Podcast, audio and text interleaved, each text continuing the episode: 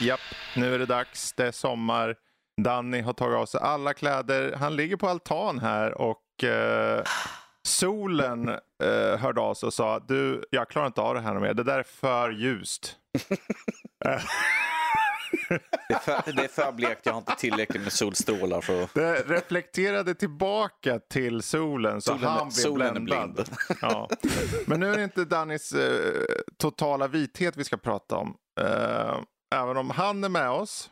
Och svår att ignorera. Ja, och Matte är med oss, jag är Fredrik och jag är med oss. Eh, Ja. Med oss. Ja. Du är med oss, Jag precis. är med, du oss alla. Ellen. Så vi tänkte vi ska spela in lite ett sommaravsnitt, uppenbarligen. Eh, och det ska handla om Resident Evil-serien. Det är så fruktansvärt somrigt. Det är ju det. Ja. Eh, och det är relevant ändå. Fyran, eh, remaken på fyran kom för ett par månader sedan. Och eh, fick mycket fina omdömen. Mm. Eh, Jag har inte hunnit testa det själv än. Nej. dock. Nej. Du har Mm. sommar nu här. Du kan eh, stänga in dig i lägenheten och Ja, uh, svettas som en gris. svettas som en gris och Så, hänga så med för Leon. matte egentligen? Nej. Nej, det, det är så det brukar vara. Precis. Bara det att Leon får vara med nu också. Leon får vara med. Ja. Leon får vara med. Ja. Avsnittsnamn. Snälla skriv upp det någonstans. Ehm, Nej men uppenbarligen, det är så här. Frågan vi kanske ställer oss då är dels, okej men vad, vad är liksom arvet av den här serien specifikt? Vad, Mm. Hur ser det ut i skräckgenren? Vilka eh, spel fick serien att ta ett steg framåt? Ibland så bara kommer en uppföljare liksom, och det inte sker någon större förändring. Och sen kommer en uppföljare som förändrar saker och ting. Så kan det ha skett. Eh, och eh, våra intryck av serien från antingen ja, att ha spelat det eller bara perspektiv utifrån. För man kan ju få de där vibbarna. Man kan få se de där eh, ringarna på vattnet ändå i andra sammanhang kanske. Ja. Men eh, vi kan väl börja lite kronologiskt. Eller vad säger ni? Så jag tänker nu, första spelet Resident Evil eh, skapades då av Shinji Mikami och eh, Tokuro Fujiwara och släpptes till Playstation 96. Det var uttal det där. Det var uttal. Det var uttal. Eh, och den här då blev ju krediterad till att egentligen ha på många sätt definierat då survival-genren. Eh, Ja, de skapade väl inte genren för Nej. Jag tror att Alone in the Dark var väl tidigare. Oh ja, Ja, avsevärt. men däremot så var det väl de här som visade att så här bra kan den här genren vara. Mm. Potentiellt. Och det här kan man göra med den. Precis. Oj. Och eh, de förde ju tillbaka zombies mer eller mindre. I alla fall det första spelet. Eh, I populärkulturen och särskilt då i spelgenrer på ett stort maner. Sen kan man ju fråga, ja, men är det zombies eller är det, ja, och så vidare och så vidare. Men det, det är ju gängse bild så. Men zombiesen är ju inte riktigt kvar senare i spelserien. Nej, Så att, vi har eh, ju men gått vi, över till virus så att de är Ja. infekterade med plagg. precis, kan komma närmare där. Man kan komma. Eh, men då är det så här, jag tän- vi börjar, vi, vi går inte vidare från första Resident Evil, vi håller oss där. Vad, finns det några inslag i det första spelet som ni känner, men det där stod ut, det var det som gjorde att eh, spelet fick den goda respons som det fick när det begav sig? Eh, Jag tror först och främst det som egentligen fick spelet att stå ut lite grann är att de fasta, vinklarna, fasta kameravinklarna. Eh, vilket gjorde att du vet inte riktigt vad som hör. Du kanske kan höra liksom att det är någonting som rör sig. Mm. Du hör någonting som uh, runt ett hörn men att du vet inte exakt vad det är för någonting som finns. Mm. Vilket var ju ett av skräckelementen i spelen egentligen. Att Precis. det, det okända runt omkring en. Och plus att vad kommer jag kliva in för rum härnäst? För Ja. att det är ju en sån variation liksom när man går omkring. Precis. Vad är det för dumma pussel vi kommer få stå ut med? Ja, för det var mycket pussel också. Det är mycket pussel, det är mycket Ja. leta efter små, till exempel eh, diamanter för att sätta i ögon på statyer för att de ska Mm. öppnas upp. Flytta lådor och sådana saker. Mm. Det, är, det är mycket mer variation än spel som vi har spelat på sistone som har pussel. Då är det liksom Mm. samma sak under ett helt spel, samma typ av pussel. Ja, vi pratade om det att nu är det ganska vanligt med spel som har äventyrsinslag. Ja. Att det är samma typ av pussel som återkommer. Mm. Medan ett mer regelrätt äventyrsspel är ju väldigt varierade kring vad det utsätts för. Det här är ju ett tidigt exempel på att kombinera action med äventyr och skräck förvisso. Men de har fortfarande behållit variationen av pusslen Mm. från ett eh, renodlat äventyrsspel mer. Körde någon av er någonsin Alone in the Dark? Eller? Ja. Fanns det några tydliga skillnader? Liksom, när Resident Evil kom så, alltså survi- Survival hade väl då i och med Alone då funnits. Men att uppenbarligen är det något som definieras om då. För jag, eh, det var väl 1800-tals setting i första Alone in the Dark. Ehm, ja, viktorianskt. Ja, det kanske det. sen Eller ändrade de ju om det till den här eh, senare eller något. Eller kanske. tidigt 1900-tal i alla fall. Något, något där omkring. Ehm, ja, alltså det, den största skillnaden egentligen som jag har upplevt med Alone in the Dark är väl eh, utseendet framför allt. Mm. Eh, eftersom att Alone in the Dark har ju väldigt mycket äldre polygoner och eh, har ju inte, framförallt har det väl inte åldrats jätteväl. Men Nej. däremot vet jag inte hur man såg på det när det var purfärskt.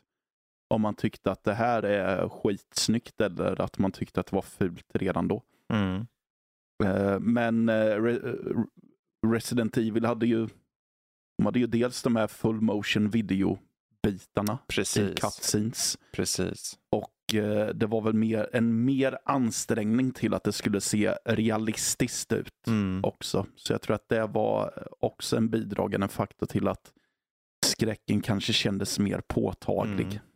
Plus att eh, eftersom det är survival och man, så är det ju mer det här inventory management. Mm. Vilket gjorde liksom, shit, jag hittar den här saken.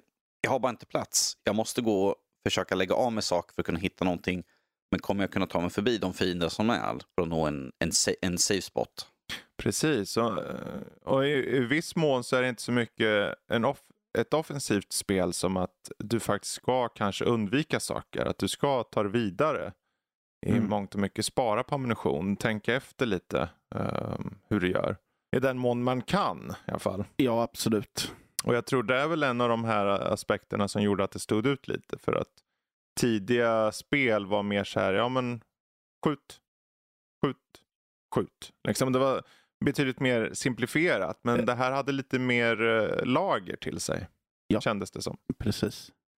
Nej, och bara det att eh, eh, med en av karaktärerna sa du ju, om du kör, väljer att köra som Chris, Mm. då har du ju inte möjligheten att ha en att skjuta någon på ett ganska bra tag. För jag har för mig om att han bara har en kniv till en början. Men att det är Jill som har pistolen. Ifrån början.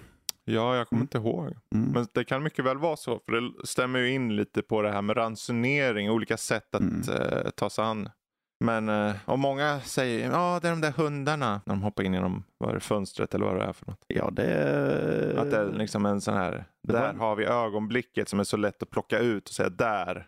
Ja, det, jag kan förstå det. För att jag varit själv lite skärrad när jag alldeles för ung Mm. spelade det spelet. Men jag tyckte att det var mer otäckt eh, första gången man överhuvudtaget eh, stöter på en zombie i det spelet. För att man går in i ett rum och så är det en filur som sitter hukad över någonting och mumsar. Och sen så tittar han över axeln och har blod Ja just det. i, i blod, mungipan Ja. där. Jag tyckte att det var mycket otäckare än eh, hunden som hoppar in genom fönstret. Ja. ja, det är ju ett viktigt spel. Eh, och jag känner det så här mycket med den berättelsen är också. Är, så här tidigt så var det mycket genom eh, journaler, texter och ljudloggar och sånt. Och idag kanske det kan ses som lite så här nästan förlegat till viss del. Beroende på hur man gör det. Men då var det ändå en viktig beståndsdel i att bygga upp världen. För den världen har väldigt mycket intressant information som är värd att läsa Mm. som faktiskt hjälper till att få en, en eh, mer eh, kohesiv eh, helhet. Liksom. Så, Det är, ju, det är ju någonting som fortfarande lever kvar där med att hitta, ja, vi tar ju allt från Skyrim till Mm. Horizon vid den West Burning Shores. Det är liksom, du springer omkring, du hittar, du hittar uh, papperslappar, dagböcker och sånt och får liksom en, en större bild av världen, vad som har hänt. mm, Jag tycker att sånt är intressant fortfarande. verkligen. Ja, det tycker jag. Men det stod ju ut också för det var ju inte så jättemycket eh, NPCer heller. Utan det var ju väldigt uh, ohållsamt på något sätt. Ja, som man kraschlandar som ett litet, litet team egentligen och Ja. de som är med i helikoptern och de som är i den tidiga helikoptern, alla kommer ju inte därifrån levande. Nej, precis. Ja, men det är i alla fall starten och det är där då vi sätter liksom, okej, det här är nivån för Resident Evil och så fortsätter vi i tvåan då. Jag, jag vill bara ta upp Ja. en, en sak, det är ju liksom att vi hade ju troll ja, den tiden. Vilket, ja, sure fine, det passar in för dens tid, men att det gör ju också att man känner sig lite handikappad när man spelar Mm. spelen, att rörelserna är begränsade hela Ja. tiden. men det är just så här för sin tid då. Det är intressant att lyfta det för att eh, jag menar, vi kan beklaga oss över det idag och det är något som vi har kommit och gått Mm. ifrån. Men eh, spel innan det, just det här, hela poängen med det är ju egentligen att ha den här cinematiska stilen. Att du har fasta vinklar som får det att kännas på ett visst sätt. Du Mm. upplever det. eh, inte riktigt som att du är som, man, man kan ju lätt identifiera sig med karaktären om du är första person och till viss del med tredje person. Men när du har det här fasta vinklarna så blir det lite mer som en film. En, cinem- en cinematisk vy istället. Ja, så att det upplev, det var, jag tror det var intentionen från deras sida plus tekniska begränsningar. Mm. Men, och det är så här, för sin tid så var det ändå ett, eh, ett intressant uh, tillvägagångssätt. Och sen såg vi ju alla försökte göra den typen av vinklar i många, många spel som kom efter där. Eh, men jag tror det var bara Resident Evil som riktigt sa, men det är okej om de gör det. För de skapar det liksom. Det känns som det. Mm. Äventyrsgenren gick ju mer till att bli den här survival horror-genren fast utan eh, survival horror eller action. Eh, Så. Nej, men som Grim Fandango gick ju och eh, hanterades ju till en början väldigt mycket som ett sånt spel. Och likaså Revolution som hade gjort eh, Broken Sword-serien. De gjorde något spel som hette In Cold Blood som hanterades som ett Resident Evil. Och deras senare eh, Broken Sword-spel sket ju i att peka och klicka också, utan det var något Mm. liknande.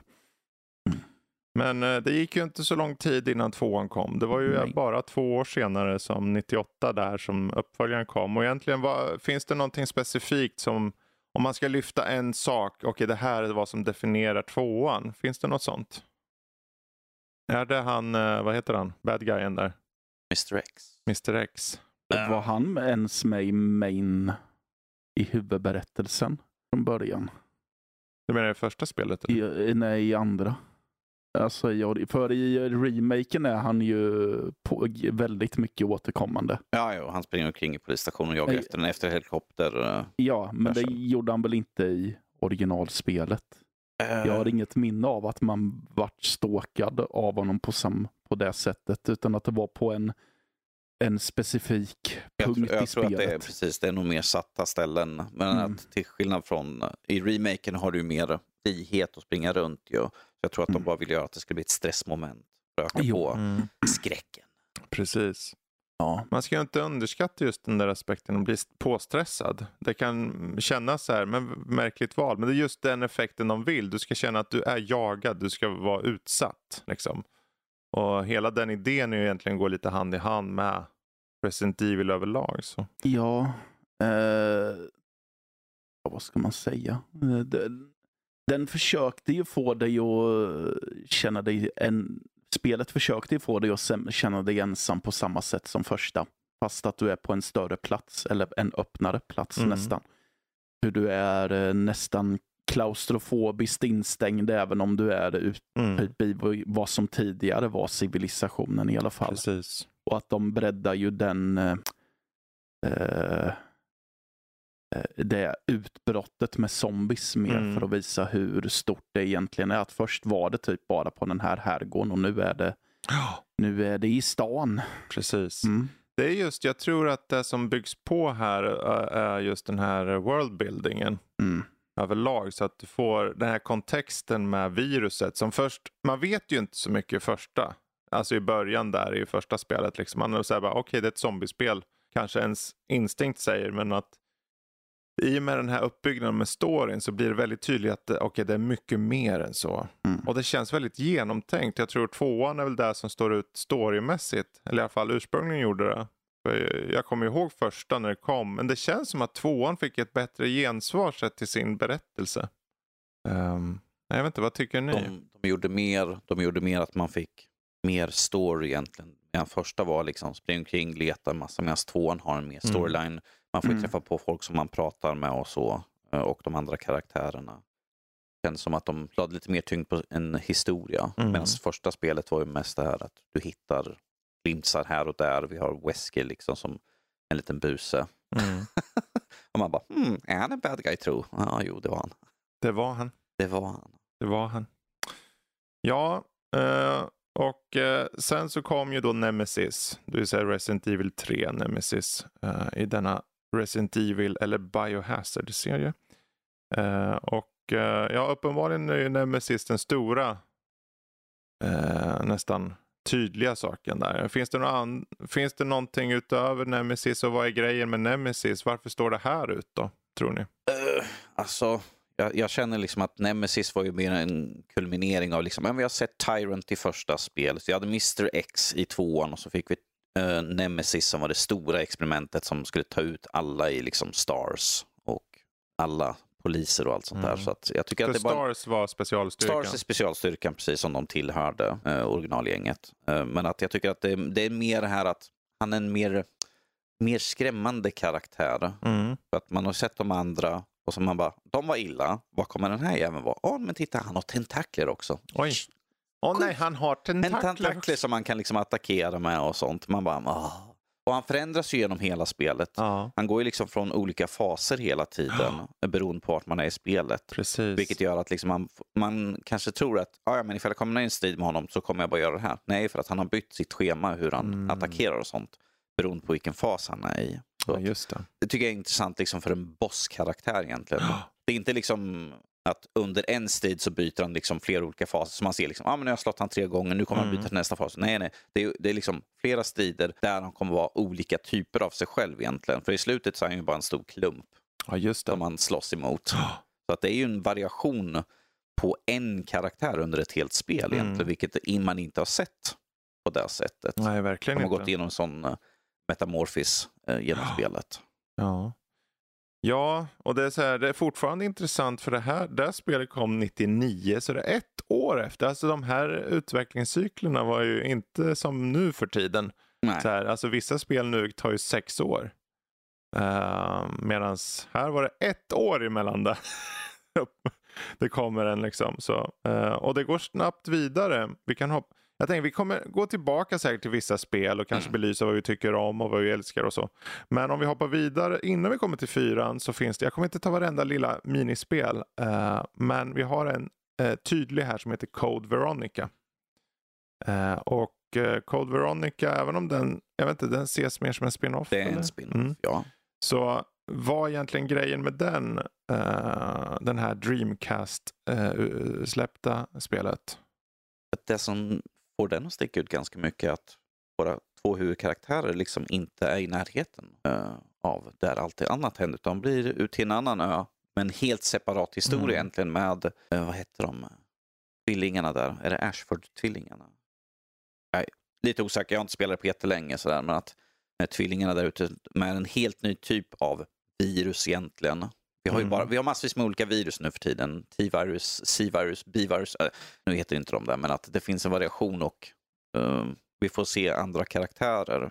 Där mm. brodern är uppenbarligen väldigt knäpp och klär ut sig till sin mm. tvillingsyster för att förvirra folk för att hon har varit i stasis medan hon eh, genomgår sin metamorf för att hon har blivit infekterad. För att bli den perfekta mm. Varelsen där. Det är, väl, det, är mer, det är mer story och utforskande i det spelet egentligen. Precis. Ja. Kan det vara Alfred och Alexia Ashford? Precis. Kanske? Yes. Uh, precis, och den, uh, den är intressant också för de utnyttjar än mer sitt universum liksom, i, ja, i och med att den här utspelar sig ett par månader efter att Resident Evil 2 då, som det ser ut. Och jag vet inte, just det fortsätter egentligen och jag tror varför jag nämner den här är just för att det visar på att märket eller varumärket Resident Evil har råd att bryta ut vid det här läget. Det har redan gått, det har gått tre spel på ett spann av, vad blir det, fyra år? Mm. Tre, fyra år. Och de förstår, okej okay, det här funkar. Och det funkar bra. Och vi testar spin-off. Och den här, kommer kom du ihåg något om uh, mottagandet av Code Veronica?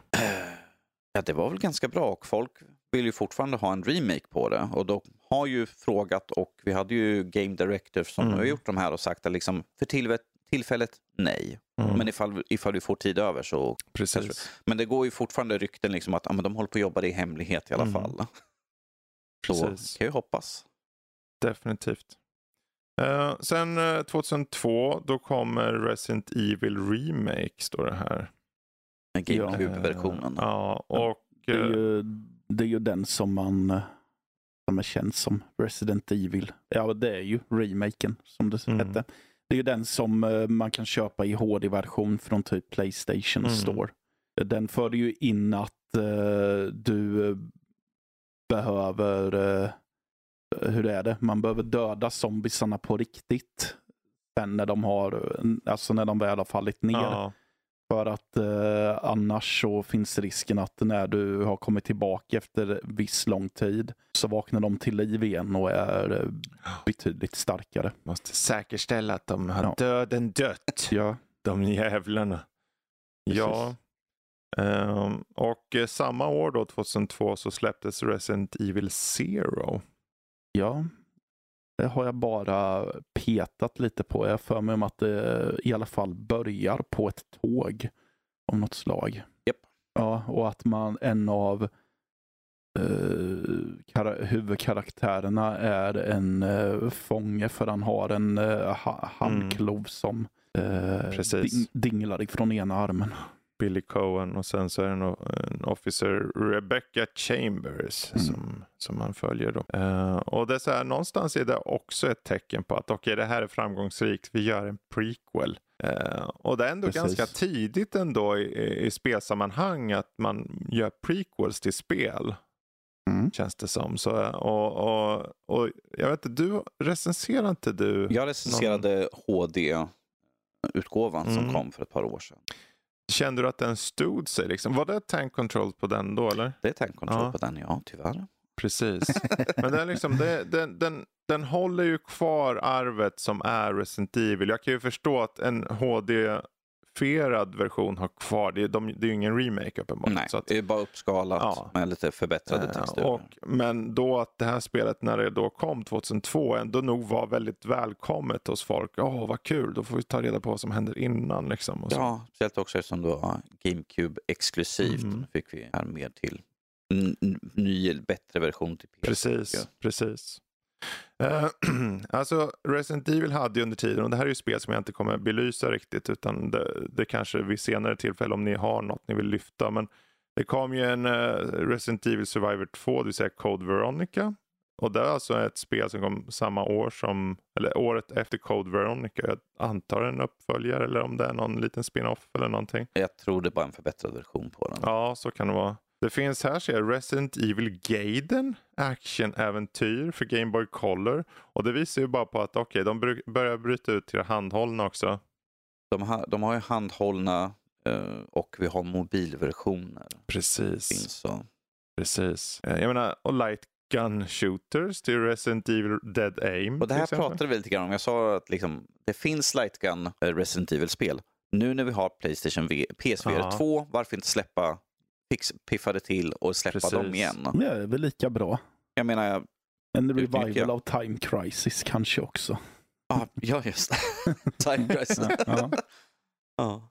Ja, och det är så här, det är vid det här tillfället som de liksom på något sätt eh, verkligen förstår varumärkets appeal i det att de, okej okay, men nu slänger vi på det på allt. För de släppte Resident Evil Outbreak och Outbreak File 2 som då ser ut mer ut att vara en, uh, ja, lite mer multiplayer-fokuserade spel. Mm. Eller kooperativa.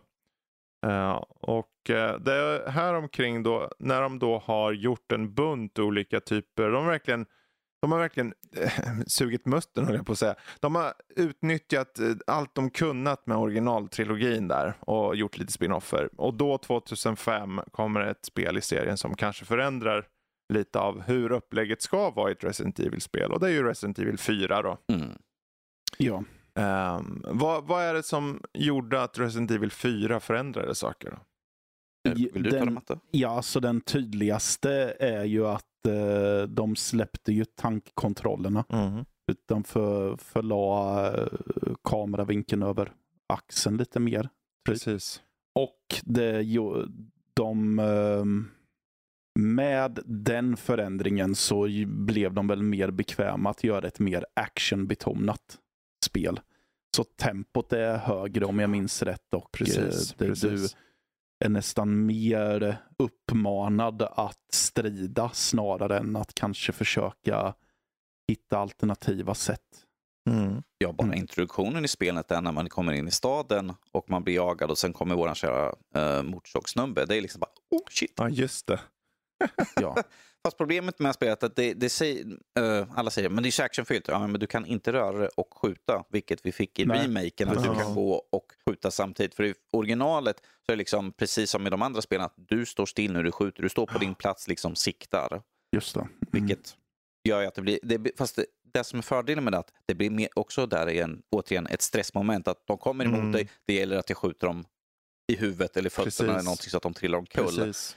Så att de håller distansen och sen eventuellt springer fram och liksom gör en attack med Mm. kniven och sånt där. Så det blir fortfarande att det är mer actionfyllt för att du ser dem liksom hela tiden Mm. i, rakt framifrån dig istället för att liksom, där står min karaktär och där borta kommer zombiesarna men jag har distans. Mm. När du står liksom i att det är som jag, spel, som jag är inne och gör själva actionen, är ju ett stressmoment därigenom. Precis. Ja, och sen så var väl det här eh, i alla fall det första vad jag vet där eh, man körde på att fienderna behöver inte nödvändigtvis vara zombies också. Men nej. Eh, utan det kunde vara, är de De infekterade? är, det här är då i första gången vi får Las Plagas. Det är en Ja, infektion. just Det. är, ett, det är ett virus Ja. eller en, som de blir infekterade. Som, Mm, det är där mm. man skjuter skallen av dem. Det poppar upp ett litet slemmonster ja, ur just det. skallen. Ja. Mm. Det är Las Plagas. Ja, alltså det är ju det är ett viktigt spel i serien just. För det är klart att även om de är lite konservativa och försöker ha kvar det här stressmomentet. Och det visar på att de ser någon form av kvalitet i, okej det här, vi förstår vad vårt, vår spelserie är känd för. Vi vet vad det är som pushar folk till att vilja spela det. Att du får dem att känna, åh nej, jag måste sakta, jag stanna upp och sikta och ta ut dem, ta ut dem. Sen är det så här, de lär sig med tiden att de vågar nu testa det här tredjepersonsvyn. är ändå ett stort steg. Och ett viktigt steg. Och är ett steg som om vi kollar på andra spel som inte nödvändigtvis tillhör Resident Evil-genren. Skulle ni säga att det finns någon form av ringa på vattnet sett till andra spel utifrån att vad fyran gjorde? De var först med snett över axeln, men att Nej, men eh, de fick väl, eh, jag tror väl definitivt att de var, gjorde så att andra tredjepersons actionspel förstod att eh, vi fortsätter på det här spåret och tar inte tillbaka tankkontrollerna i alla fall. Eh, Ja, mer kanske som att eh, på något sätt bekräfta okej nu är tank controls över. Det är dags Mm. att gå vidare. 90-talet har tagit slut. Vi är inne Ja. i mitten av 2000. Dags att gå vidare. och, som, och zombies är slut också. Så Ja, den, precis. den eran har vi inte varit tillbaka på väldigt länge med Resident Evil. Ja, precis. Mm. Ehm, och det är också just hur de vågar då ta itu med storyn. De för, försätter det i en setting som är eh, mer annorlunda. Eh, och det visar på att okej, det här är... För även det har ju varit så mycket med Raccoon City och allting det här i, Mm. i föregående spel.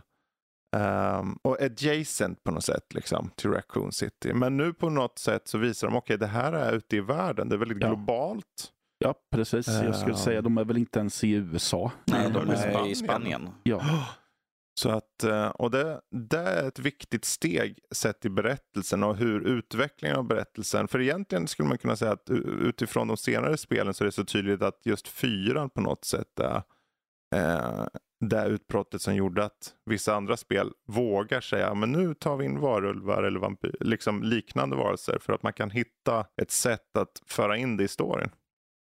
Eh, vi kanske kommer tillbaka till fyran på ett sätt. Ja, Men, som sagt, det är ju där fyran gav lite mer frihet som vi går ifrån det gamla zombie. Utan som du sa, liksom, Precis. i åttan hade vi varulvar, vi hade vampyrer. Mm. Eller kaniner, varulvar och vampyrer. Mm. Så att det gav ju liksom att nu är det lite mer fritt, det är mer öppet. Vi behöver inte hålla oss till konceptet som satte spelet på kartan egentligen. Nej, precis. precis. Det, var, det, var det fyran som var först med att ha att du kunde köpa ny What are you utrustning? buying? Ja, What are you precis. selling? Ja. Tidigare så hade du väl bara fått till, eh, handskas med det som Mm. spelet Tillhandagav, ha- tillhandagav ute på eh, Mm. Kartan. Medan nu fanns det en dedikerad karaktär där du kunde köpa bättre utrustning. Köpa bättre utrustning, uppgradera utrustningen, vilket Mm. Ja. stack ut ganska mycket egentligen. Precis, du kan precis. hitta liksom delar till denna vapen. Visst, man kunde göra det i föregående spel också, men att här var det liksom att du kan köpa och hitta saker och liksom Mm. Ja, uppgradera och få en bättre möjlighet att ta dig an större horder av fiender samtidigt. Mm. Ja, du kunde ju uppgradera väskan så att du kan bära med dig större vapen. Ja. Som raketgevär kanske. Ja, ett viktigt spel. Men eh, serien vid det här laget nu har ju eh, hållit på ett bra eh, många år. Det är nästan tio år eh, vid Resident Evil 4. Men, eh, och sen kommer ett par eh, små spel för att sen avslutas 2009 med ett nytt spel i serien som heter Resident Evil 5 uppenbarligen då. Mm. Eh, tredje persons shooter och denna gång som huserar de väl i eh, Afrika. De är i Afrika, precis. Och det är det första co-op-spelet också. Precis. Ja, men hur var det med det sett till det här med uh, bibehöll de du går och sen stannar upp och siktar eller utvecklar de det till att faktiskt röra sig? Jag spelade aldrig femman så jag vet inte. Eh, jag tror att de utvecklar, Ja. alltså som sagt det är väldigt länge sedan jag körde det här, men att, att det är de mer actionfyllt. Eh, Det är ju betydligt mer med actionfyllt och med massvis med en stora horder av fiender. också. Det är nästan som eh, introduktionen för fyran där, att Mm. du går in i en by och det liksom kommer massvis med snubbar och jagar runt på en. Men så är man ju två stycken som kan ta ut dem samtidigt, men Mm. man måste fortfarande röra sig runt. Eh, Precis. Och man kan liksom hjälp, hjälpas åt att du springer, jag skjuter. Så att det är väl mer taktiskt tänkande egentligen från två personers perspektiv. Där då. Ja, och sen har vi ju boss battles, det gamla vanliga och quick time events. Ja, Fanns det med? Ja, det fanns ju i fyran också. Mm. Jag minns fortfarande när man har åkt med båten över vattnet och jag tänkte att ja, men, ja, nu sitter jag och tittar på en Mm. cutscene och helt plötsligt så inser jag att jag måste kasta mig över kontrollen och slå på en knapp. Mm. Mm. Ja, mm, jag tror nog att man faktiskt inte kunde springa och skjuta samtidigt. Jag tror, det, jag tror inte var implementerat än faktiskt. Däremot så eh, en del nya features var att eh, fiender kunde ha eh, vapen och granater och annat. Och bara det faktumet så här, att man liksom de här zombieliknande varelserna som lång, först var jättelångsamma filurer som gick runt har nu faktiskt lite motstånd och kan vara lite snabbare kanske till viss del. Ehm, det gjorde att det stod ut lite mer. Men jag skulle säga att det kanske här som vi ser att det börjar bli lite mer divided. Uh, femman är ganska uppskattad mig veterligen.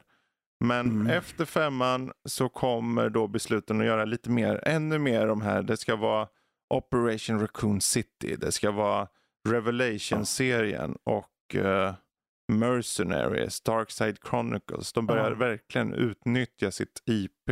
Ja, även om det var femman kanske var uppskattad så vet jag att det hade börjat knorras eh, Mm. om att de, de hade tappat greppet om vad serien var och så. Ja, herregud. Mm. Ja, sen var det också kontroversen att ja, men du springer omkring som en vit kille och skjuter svarta personer.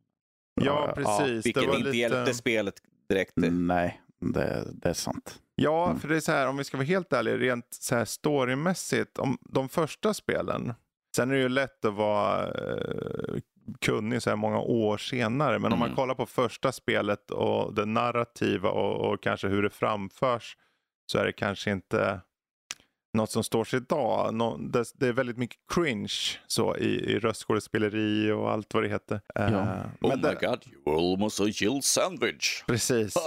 Men det var ju å andra sidan just för den tiden att man kunde ha snack i spel var en stor grej. Mm. Men Mm. jag tror att det där gick tillbaka och bet dem lite i svansen. För ju, ju längre de bibehöll den här lite mer eh, lite cringeiga eh, berättelseformen eh, och hur det presenteras. Inte så mycket, inte så mycket själva eh, loren eller worldbuildingen, för den står sig bra.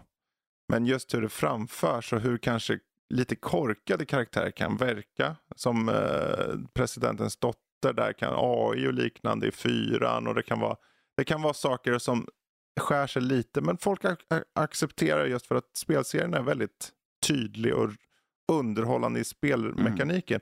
Men när då sexan kommer eh, 2012 så märks det direkt att okej nu är det något som har derailat lite.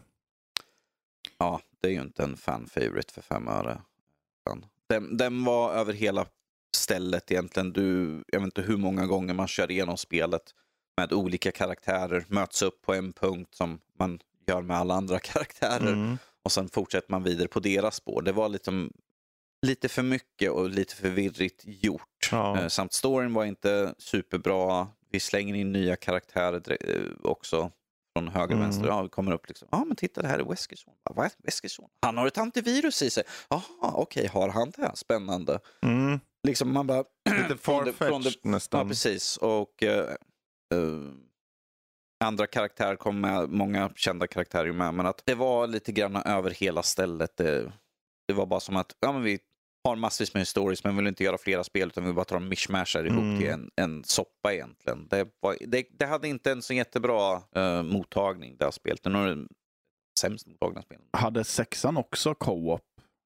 Eller? Det kommer jag inte ihåg. Nej.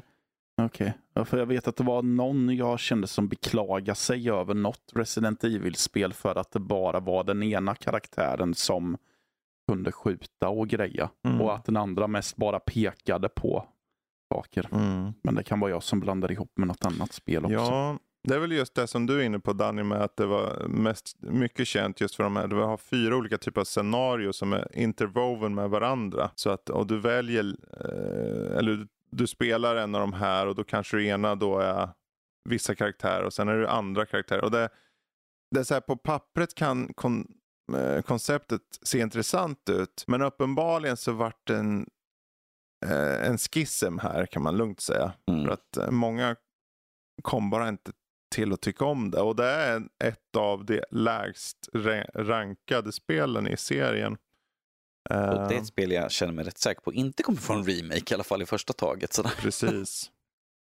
Ja, Om de inte kör en gör om, gör rätt grej. ja, det kan ju En vara så. reimagining i så fall. Då. Ja, Ja, precis. precis. Ja. De har ju varit Mm. där och nosat. Jag menar, och egentligen, det är så här, alla de här, det finns ju många där ute som säger, ja men jag tycker ni ska fullborda spelserien så att säga. Jag- Ni kan, för om någon säger, men säg att de hoppar till, eh, de, hopp, de gör femman och sen så hoppar de över sexan och gör något annat spel efter. Då tror jag folk säger, men varför gör ni inte den? Det kommer alltid vara någon för att man vill ha hela sättet, förstår ni? Då kan vi säga så här, ja, men gör en riktig Resident Evil 1 remake då. Ja, För att precis. jag menar den uh, remaken som, som finns, säger remake med kaninöron, är ju inte en riktig Nej. genuin remake. Det borde ju vara en tidsfråga också faktiskt. Ja, Ja. för det är ju den GameCube-versionen som Mm. sagt egentligen som Ja. är upphottad. Och, och samma sak, vi hade ju Resident Evil Zero som släppte bara en HD-fiering. Mm. Ska de göra den också? Precis, precis. Mm. Men det är just det där, det, det är intressant när de väl kommer till det, för så i den takt de släpper spel så känns det ändå som att eh, de, eh, de borde komma till sexan på något sätt. Så jag tror du är inne på rätt spår, en reimagining är nog den rätta vägen där. Mm. Eh, gör om ju rätt lite grann. Men det är så här, nu för en gångs skull så låter de ta en, en tydligare paus. För efter Resident Evil 6 så släpptes det inte något eh, rejält liksom spin-off eller liknande förrän hela två år senare. Och då säger jag hela två år för att i vanliga fall så brukar de alltid ha ett, ibland nästan tätt inpå samtidigt. Men nu är det två år och sen kommer Revelations 2. Och Revelations-serien om vi ska ta det lite kort är ju en lite mer annorlunda serie.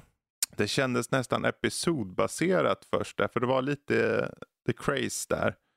Um, och är betydligt mer fast pace combat. Uh, du springer runt med ammunition som vanligt men att du är betydligt mer fokuserad på just den här actionbetoningen. Uh, och många gillade inte det. De, de ville inte att det skulle vara så snabbt och, och, och, och rörligt så som det verkar vara i den serien. Mm. Så att uh, den, den, den fick inte jättedåliga betyg men det var inte en sån där det här är nummer ett. Jag har hört att vissa uppskattar uh, Mm. Revelations, men uh, det är väl inte uh, fanfavoriten direkt.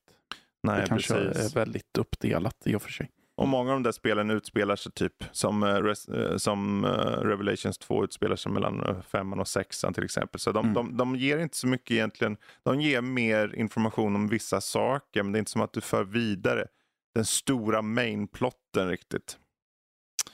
Men eh, det tar ett tag efter Revelation 2 och ett fantastiskt Umbrella Corp som de släpper 2016. Eh, Just det, det en taktisk shooter som också på något sätt visar att de, de vet inte riktigt vad de vill. För det var något som de ville pumpa ut som jag tror var mer så här. Okej, det, det ligger i tiden men det fick, det fick om något väldigt dåliga betyg. Eh, så tänkte de om och 2017, och nu börjar vi närma oss närtid. Då släpptes Resident Evil 7 Biohazard. Som är då uppenbarligen eh, lite av en, en fräsch start. Ja, Eh, och precis som med fyran så väljer de att göra en sak som kanske står ut då. För att nu är det ju första person. jajamän. Det är det. Uh, och man... från att de har blivit allt mer storskaliga spelen Mm. med så försätter man det på en plats nu, handlingen. I stort sett. Och det är första Resident Evil-spelet där vi inte spelar någon utav de kända karaktärerna vi spelar som Winters. Ja, exakt. Har han nämnts överhuvudtaget i eh, serien innan eller är han... Han är en nobody i serien så att säga Ja. på det sättet. Okej. Så Mm. Han är en okänd. Det är Ja. bara en ny namnlös karaktär vi fick. Mm. Ja. Precis. Eh, ja, alltså jag... Man tog ju också tillbaka att nu är det ett skräckspel Mm. igen. Och det här klaustrofobiska och att känna sig eh, ganska hjälplös och Mm. kanske till och med försvarslös. Och att faran lurar bakom varje hörn. Precis. Jag har ju faktiskt inte spelat det själv Nej. eh, fortfarande. Men du har ju kört det Danny. Mm. Vad, vad är det som står ut mycket med det för dig personligen? Sjuan? Uh, karaktärerna är väldigt mycket, för de är väldigt väldefinierade i Mm. familjemedlemmarna i alla fall. Eh, väldigt starka olika personligheter eh, och när man möter på dem senare i deras naturliga format, alltså deras monsterversioner, så är det ju väldigt tydligt att de har en stor variation där i alla fall. Men det som jag tycker är mest intressant är ju att de går mer tillbaka till där story är väldigt tung. Mm. Eh, För det är väldigt mycket med Ethan och han, i hans jakt på hans fru. Ja, Eh, och sen liksom, vad är, det för, vad är det med familjen? Hur, varför är de så här konstiga? För att Mm. han har ju ingen erfarenhet av det överhuvudtaget. Och sen är vi tillbaka till mycket pussel, mycket uh, springa omkring mellan olika ställen på, fast det är egentligen på en gård ju. eh, men att det är fortfarande det här, precis som i första spelen, springa omkring, springer väldigt mycket fram och tillbaka, hitta saker för att låsa upp Mm. nya områden. Ja. Så det är tillbaka pussel, letande och eh, mer utforskande helt enkelt. Mm.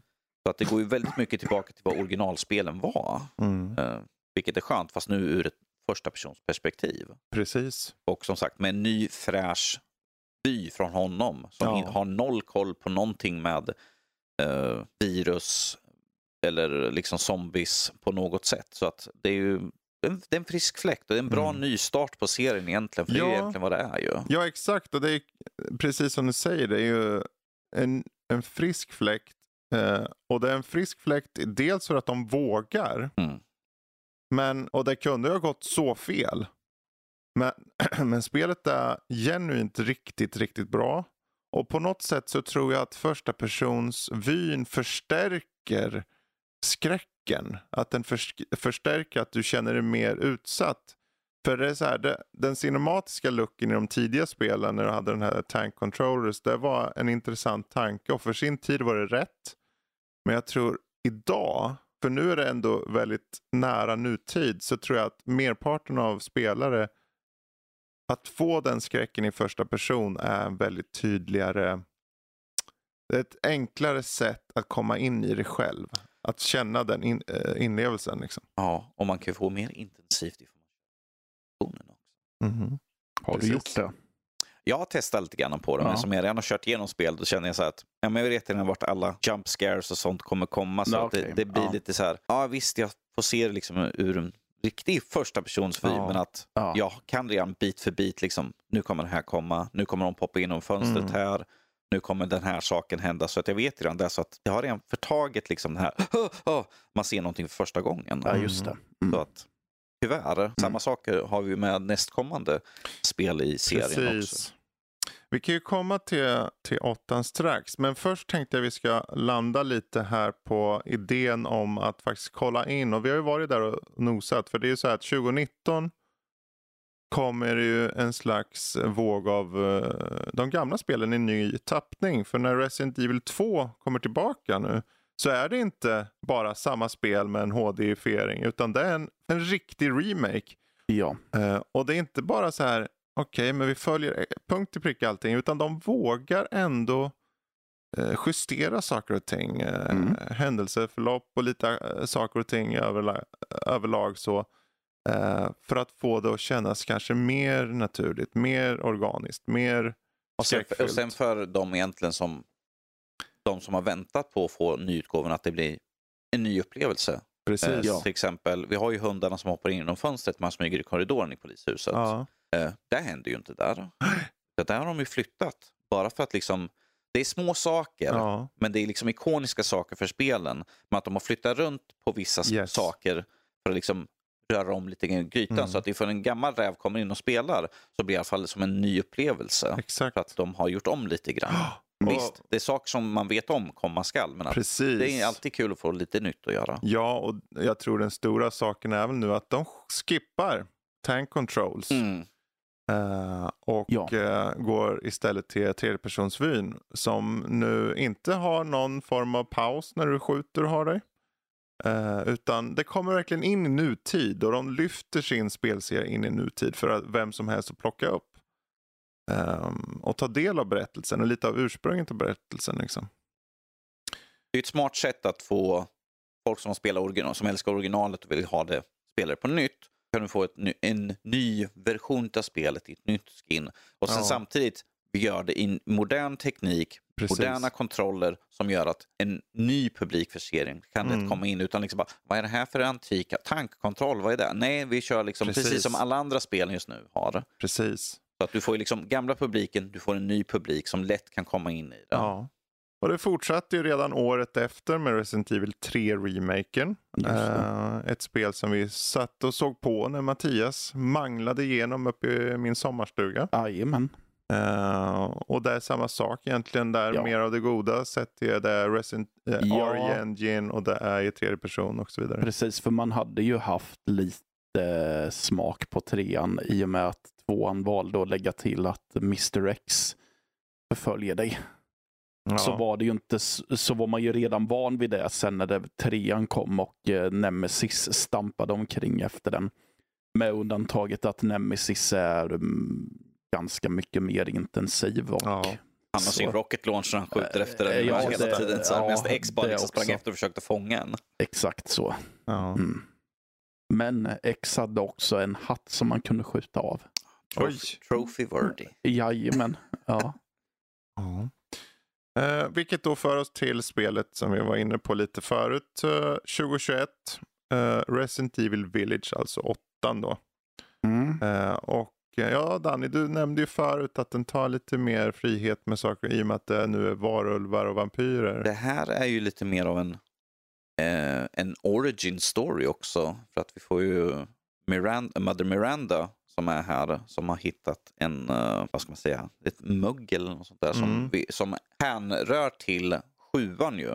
Eh, för att de har liksom använt hennes forskning eh, för att göra monstren i sjuan. Mm. Men att här är ursprunget till vart de sakerna kommer ifrån. Och det är ju en samling av eklektiska karaktärer vi får stöta på Mm. här. Eh, där vi har lite, ja vi har en fiskgubbe, vi har en vampyr, en enorm vampyrdam och vi har en snubbe som kan elektricitet, Mr Magneto där. Ja, just det. Eh, och vi har hon dockmakaren ju. Så att det är en väldigt stor variation. Mm. Och de olika områdena som man får röra sig runt i, det här är ju också utspelar sig i, i Europa ju. Så att vi har ju återigen, går vi ifrån staterna och liksom Raccoon City. Nu är vi ute i stora vida världen igen. Men att här får vi återigen Ethan Winters, nu på jakt efter sin dotter som har blivit kidnappad. Ja. Så att vi har ju fortfarande, han är ju en relativt ny karaktär, men vi ser ju återkommande karaktärer som Chris eh, Mm. som är med. Som man tror är, är han någon bad guy? För han kommer att kidnappa ens dotter i det första Ja, som händer i spelet. Och precis. skjuter ens fru. finns Som man- frågor där. Det finns frågor precis. Eh, Men sen helt plötsligt, man blir kidnappad så hamnar man i liksom en by och sen tittar man liksom upp till höger upp mot skyn och man bara, är det där ett stort Ja, det ser ut som ett stort vampyrslott det där. Definitivt ett stort slott. Säkert någonting väldigt ondskefullt som bor där. Oh, ja. Det är det första som står en. Liksom. Och man kommer in i byn, folk vill inte prata med en. Det är liksom, de gömmer sig undan liksom, Mm. och de man träffar på är liksom rädda. Bara, Åh, kom inte i närheten. Sådär. Det är liksom som att man bär pesten eller något sånt där. Man bara, har jag hoppat tillbaka i tiden? Eller något sånt där. För det känns så för att vi kommer få varulvar. Vi har liksom något zombie-liknande, fast det är liksom Mm. för att uh, Dimitrescu har liksom suger blod ur sina undersåtar Mm. som gör att de blir lite zombieska nere i slottets källargångar. Vilket Ja, är rätt det. passande. Of course. Of course. Ja. och sen har vi ju varulvar. Eh, de eh, visar sig vara bara experiment som har gjort att de har blivit sådana. Ja.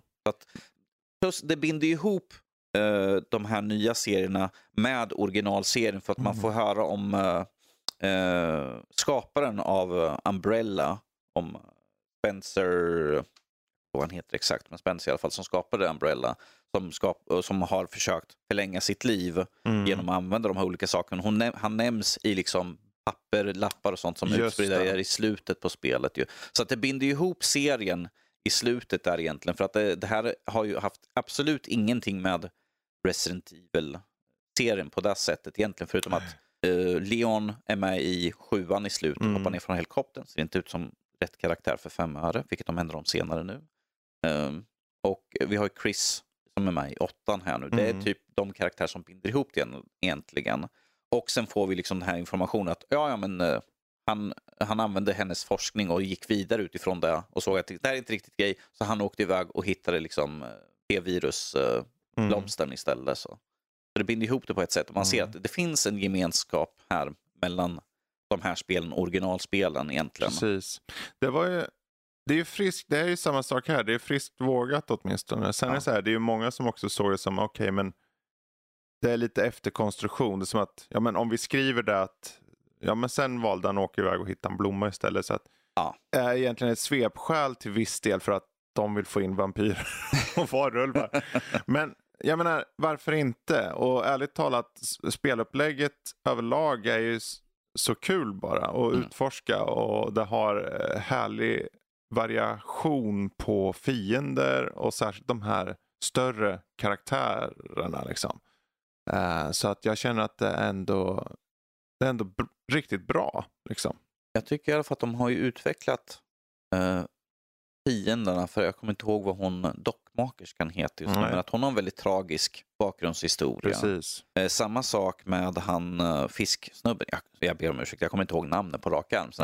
Han har ju också en väldigt tragisk, för att han är ju betuttad i Mother Miranda liksom, och gör, Ja, gör allting för henne och därför han liksom valde att bli utsatt för det här experimentet och visa att han var ju inte kompatibel för fem öre. Nej. Och alla andra anser honom vara totalt dum i huvudet och liksom lite efterbliven. Ja. Men att han liksom gör allt för liksom att hjälpa till. Mm. Eh, Men att han har ju fått den värsta mutationen.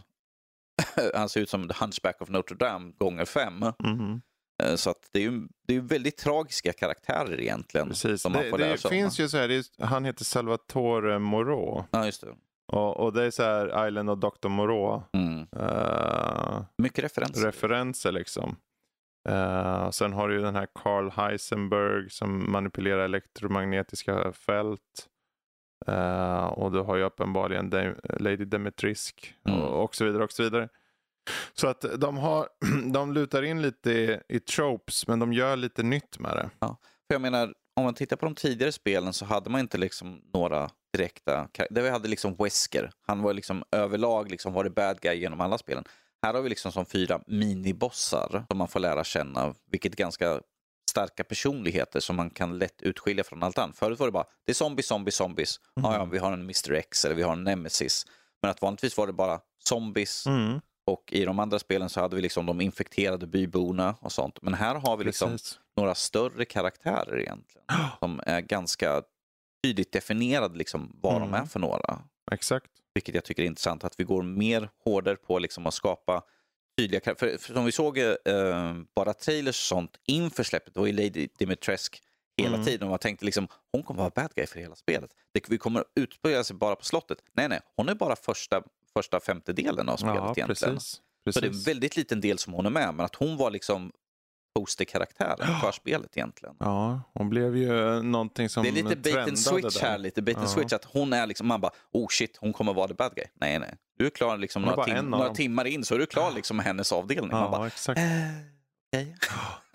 ja, nej men det blev ju en, eh, en klar hit där och sen slutligen 2023 i år så kom ju remaken på fyran. Mm. Uh, jag vet inte, det finns väl inte så mycket att säga där mer än att det, det, det uh, fetare och bättre. Fetare och bättre, precis. Jaha, typ så. Ja. Men uh, spelserien är, har levt länge och väl. Ja. Och har egentligen varit, om man ser nu till historiken så är timelinen visar väldigt många spel och den har aldrig riktigt, den har aldrig riktigt tagit en paus. Det kan kännas som att den tagit en paus ibland. Uh, men egentligen har den inte det. Det är runt 2013 som är den mest tydliga pausen. När... Två, två, år eller vad hade vi? För? Ja, två år. Två år. Och sen uh... hade vi 2018 släpptes ingenting Resident Evil. Nej. Men utöver det så har vi fått någonting Resident Evil varje år. Ja, precis. Så vad är då härnäst på tur tror ni? Ja, det som vi vet om är ju nian, men att det har vi ingen information om. Uh, Code Veronica är ju en önskemål från fansen, men att de har sagt att... Ja, en remake där då. Remake, mm. men att de har ju sagt liksom att inte just nu, Nej. inga direkta planer, men att ifall de får tid, jag tror att det kommer komma. Mm. Och sen är det ju i så fall, ifall de fortsätter som vi pratar här, ska vi göra Resident Evil 5 mm. remake? Ska vi göra Resident Evil 6 remake? Mm. Det är i alla fall i så fall två till fyra år ifrån mm. ifall vi fortsätter i den utveckling vi har haft än så länge. Precis. Men att uh, det är ju nian, men att där finns ju ingenting sagt om. Det, det, det, jag ser att det finns massvis med liksom, här är nya läckan för Resident Evil 9 och sen mm. läser jag den och jag bara, det är för, för bonkers Precis. för att vara sant. Men att om vi ser, vi har redan haft varulvar och vampyrer så ja, det är nästan ja, som man bara, kan det kan, kan vara sant men att ja. det är för bonkers egentligen så för att det ska vara sant. Men att de har ju tagit friheter tidigare så att ja. Jag skulle inte kunna bli förvånad med det som jag hör. Ja. Vad hoppas ni, vad hoppas du se från dem i, uh, i kommande spel? Matte Mums. Ja, alltså jag ser väl helst bara att de fortsätter på vägen de har börjat mm. gå. Uh, I alla fall med huvudspelen. Mm. Jag tycker att det är en intressant väg de har börjat gå där. Att det avviker lite även om det knyter ihop mm. lite med. Så. Så personligen så är jag väl mer sugen på att se att eh, nian kommer snarare än en remake på ett av de äldre spelen. Precis. Och om de ska fortsätta göra remake så hoppas väl jag ärligt talat att de kanske tar de här spin-off mm. eller prequel-spelen. Mm. Eh, snarare än att de fortsätter med huvudserien. Mm. I så fall. Det, du sa ju förut Danny, varför inte göra en remake på första? Ja. Ja, det, ja men egentligen. Uh, det vet jag att många har, uh, att det är flera som har påpekat att de mm. tycker att det är märkligt att den inte har fått den behandlingen. Precis. Men det är väl för att de tycker att rent tekniskt har den ju redan en remake i och med HD. Mm versionen av GameCube. Jag tror när de ser, nu, de har ju tjänat så mycket pengar på de här eh, Resident Evil 2 ja. och 3 Remake och så vidare. Så det är väl, och 4 nu verkar sälja bra. Så det är ju en tidsfråga tror jag. Men det är frågan vad, vad är viktigare? För även om en main-serie, mm. den kommer ju komma en nia. Ja. Men om, eh, vad blir det, 2021 släpptes Village. Det är ju bara två år sedan. Mm. Eh, så de skulle kunna utannonsera den och ha en redo till nästa år som tidigast. Mm. Eh, men vill de fylla upp med något under tiden ska de ha ett sånt hopp. Kommer de kanske göra så att de bakar ihop eh, en eh, remake av eh, Zero och första Resident Evil? Mm. Ja, så för de som äh, älskar Resident Evil så skulle de nog säga att ja, det vore väl kul att få in Mm. det som att ett enda stort spel. Men Ja. ur deras synvinkel så kan jag tänka mig, ja men okej så vi kan säga ett spel. Ja, eller ska vi säga det. två spel. Mm, det är sant. Så att eh, jag, jag tror att de, om de fick som de ville skulle de nog inte göra så bara för att de ska kunna sälja ett till remake. Men samtidigt, ja, ja varför inte? Jag tror nog att de, ifall de skulle göra något sånt så skulle de nog göra bara första spel för att. Zero är ganska... Ja, Mm. det är en jo. axelryckning till spel. Det, Då kanske det är faktiskt bättre som Matte sa att den var som en del till ettan. ja, kanske. man får som en expansion. Ja, Ja, precis. precis. Precis. Mm. Men Resident Evil överlag, hela serien. Ja. Vad har det gjort egentligen för oss? Vad har det gjort Det egentligen? har gett oss jävligt många timmar med underhållning. Ja, men finns det någonting man kan säga, eller som ni tror som spelvärlden liksom har fått, eh, eller som det har gett inspiration till? Eller skapat, eller vad som helst liksom? Ja, alltså även om det inte var det första spelet i genren så går det ju inte att säga att det inte har eh, banat väg för överlevnadsskräck-genren. Mm. Eh, Så. Tänker skräck överlag i spel. Jag vet Mm. inte riktigt vad man hade, för skräck, hade haft för skräckspel innan riktigt. Om det var typ eh, Fantasmagoria som Mm. var grejen. Att det var äventyrsspel som flörtade med skräck. I want to In- scream but I have no mouth. Hur, vad heter det där spelet? I have no mouth but, and, I, and I must scream. Ja, typ Eh, sådana ja. Ja. Eh, sen visst, Alone in the Dark var ju tidigare, Mm. men uh, känns som att Resident Evil förfinade det Ja, lite. Så det var mer eh, så banade väg tror jag för skräckupplevelser Mm. i spel generellt. precis. Och precis. Utöver det så liksom bara den tekniska aspekten, liksom, både visuellt och liksom med hur spelen fungerade liksom, med nya och sånt. Mm. Mm. Så tog de ett ganska ordentligt kliv framåt där egentligen i genren. Och som sagt med den lite mer realistiska, till exempel till skillnad från Alone in the Dark som är en väldigt färggrann historia, så att säga, lite mer cartoony Mm. i sin färdiga polygon, lågpolygons uh, uppbyggnad så Ja. gick de mer in för en mer realistisk mörk Precis. ton. eh, vilket kanske stack ut lite grann mer för att det är lite down and dirty, Mm. gritty. Definitivt. Ja, men Ett sätter lite mer spänning i när man spelar. Liksom, att det ser faktiskt ut som folk istället för liksom en orange klump som vandrar omkring med en blå Mm. skjorta som Alone in the Dark. Så. ja, Och- ja, Och det spelet hade ju lite mer Sherlock Holmes-vibbar. Mm. ja. Eh, och var kanske, jag vet inte hur många år innan, men eh, tio år kanske. Plus, det, plus Alone in the Dark har en lite mer, också en lite humoristisk Ja. syn på hur, hur Mm. folk dör och sånt där. Medan här är liksom, ja men du har blivit ihjälbiten av en hund. Precis. Precis, men jag tror att Resident Evil har väl tillsammans med Silent Hill varit lite så här att visa att så här Ja. gör man ett, eh, ett skräckäventyr. Lite så. Det blev lite så här, det här är, vår, det här är nya tidens skräckspel sa de när de kom 96. Ja, Och sen har de vågat utveckla sin serie, något som inte alla törs. Nej. Liksom med fyran. Och det, är så här, det är så lätt så här i efterhand att sitta och kunna, ja men nu, jag kan se hoppen. Men vi som var med kommer ihåg, vad fan är det här, vad har de gjort med fyran? Du vet, där innan launch så var det Mm. många, det här kommer inte bli bra. Alltså det har banne mig alltid varit tank control. Det ska vara tank control. mm. Det, jag kan bara gissa att det fanns många så här superkonservativa biohazard-fantaster. ja, De ja. bara, det här ska banne mig inte ändra. Men vi pratade ju om det under våran Metacritic-lek i, ja, men när vi spelade in Ja, för ett eh, länge, länge sedan. för, ja. för ett tag sedan. Mhm. Eh, så pratade vi om att eh, det var ju, ja det var väl först när fyran hade släppts Mm. som eh, spelvärlden förstod att eh, ja, men tank controls är ju skit. För det, tidigare hade det ju mer eller mindre varit normen, Mm. att man hade accepterat nej men det är så här man spelar ett actionspel i tredje person. Ja. Lite. Precis. Vill man ha mer följsamt, ja men då får man ju spela första personspel. Ja. Mm.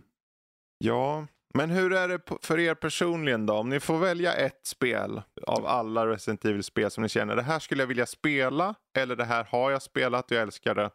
Vilket spel är det? Har en många att välja på. Ja, får välja ett. Som sagt, det behöver inte vara något du har spelat, det kan vara något du vill spela, men det kan också vara något som du har spelat som du älskar. Liksom. Jag skulle vilja spela ettan, en remake. Ja. En riktig remake. För att eh, jag känner att det finns så mycket man kan leka runt med. Mm. På det. För det finns... De kan ju då också eh, implementera tydligare små hints till de här nya spelen Mm. som gör att låren mer går ihop. Liksom. Precis, för vi har ju i liksom i slutet eh, så är man ju nere i laboratoriet och nö- möter eh, första föregångare, Tyrant. eller? Tyrant precis. och där kan man ju ha liksom kanske hänvisningar till Mother Miranda eller något sånt där. Eller Precis. Spencers liksom forskning. Att det är där de bygger allting på.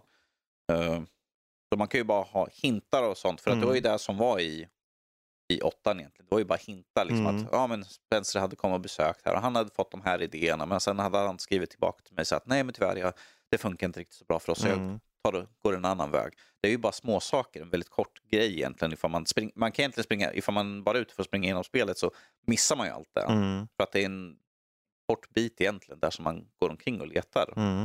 Eh, Men att du, du kan ju fylla på med mycket mer information som hänrör till liksom, de andra spelen eller komma skall-saker. Typ Nemesis. Ja. Liksom att vi har Tyrant här men att vi har en planer på vår nästa version Mm. och sådana saker. Eller Mr X då kanske. Och i en tank längst bort, där hittar du en bunt uh, snooks som hänger... Nej. Eh, ja, precis. oh gud. Ja. Jaha, finns det något spel du då Matte som du känner, ja men det här skulle jag vilja lira, det här, det här, eller något som du faktiskt bara älskar i Eh, serien? Jag vill spela eh, sjuan och åttan för att Mm. jag inte fattar varför jag inte har... Åttan har jag ju spelat Mm. en, en bit på i alla fall. Mm. Men det är mest bara för att jag inte begriper varför jag inte har tagit mig tid för dem innan. Precis. För att mer sätter på massa andra spel. Det, det, eh, ja, det, det finns väl en risk för det kanske. Precis. Eh, Ja, jag tror att den jag tycker om mest är nog eh, sjuan. Faktiskt. Och då är det så här, då har man ändå varit med till viss del från start. Jag skulle inte säga att jag har kört så mycket som Danny kanske, men det var ju sjuan var på något sätt, även om jag kanske inte körde klart det, så var det okej, det här är tydligt att de har verkligen tagit det till en ny nivå. Mm. Och att när de gör det så gör de det i en liten, liten skala på en liten plats. Mm. Och, och på något sätt, det är inte en fråga om att det måste vara T-virus, att det måste vara något, utan essensen av Resident Evil är den här klaustrofobiska skräcken och att du är jagad. precis. Att du är stressad. Och det är så tydligt i sjuan. Tycker jag. Det är alltid någon jävla, det är farsan som bryter sig igenom en vägg och bara börjar gå efter. Du bara, okej nu skiter jag knäck här. Så här, Ja, liksom. Vänder det om och talar om det för honom. Ja, ma- kom igen, vad är det här? Mm. Jag har försökt döda dig 40 gånger. Ja, Nej, men jag tycker det står ut. M- hela serien står ut. Och jag tror på, på ett stort perspektiv just för spelserien i sig. Jag tror alla skräckspel som har kommit efter Resident Evil på något sätt har sneglat och tänkt "Ti- där kunde göra vissa val, där kunde förändra vissa saker, då kan vi Ja. också. Ja, du ser ju, jag skulle säga att du ser arvet i eh, spel som eh, Amnesia, Mm. The Dark Descent och liknande. Ja. också. Fast precis. minus action-bitarna då såklart. Ja.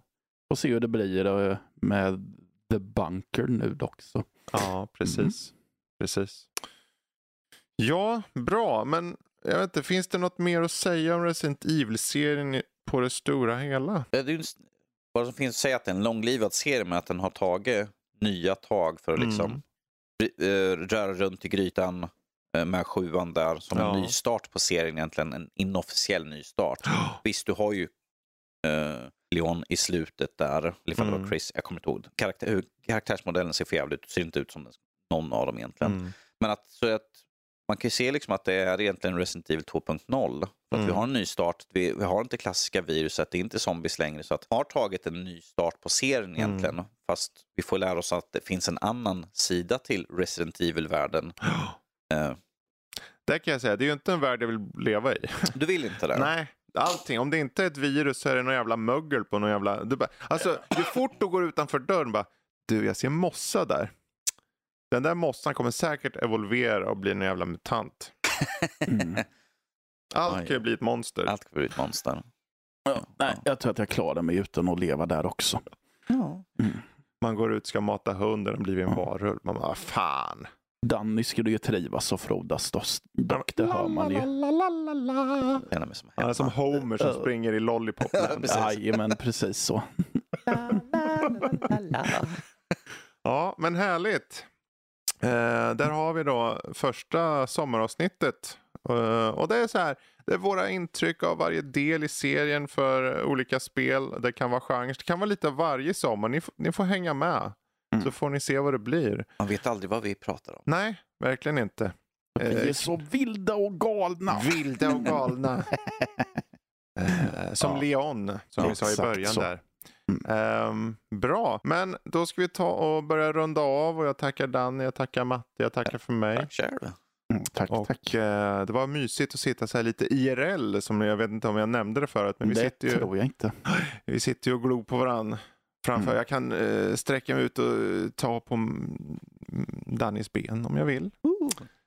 Oj då. Ja, nu gjorde jag till och med matte på Ja, det var bra. Det Ja, Bra, men med den sköna känslan i kroppen så låter vi er stiga ut i sommarvärmen och njuta. Japp. Så får vi fortsätta att mysa här tillsammans så hörs vi igen om en vecka. Så tack och hej. Toodaloo. Adjö.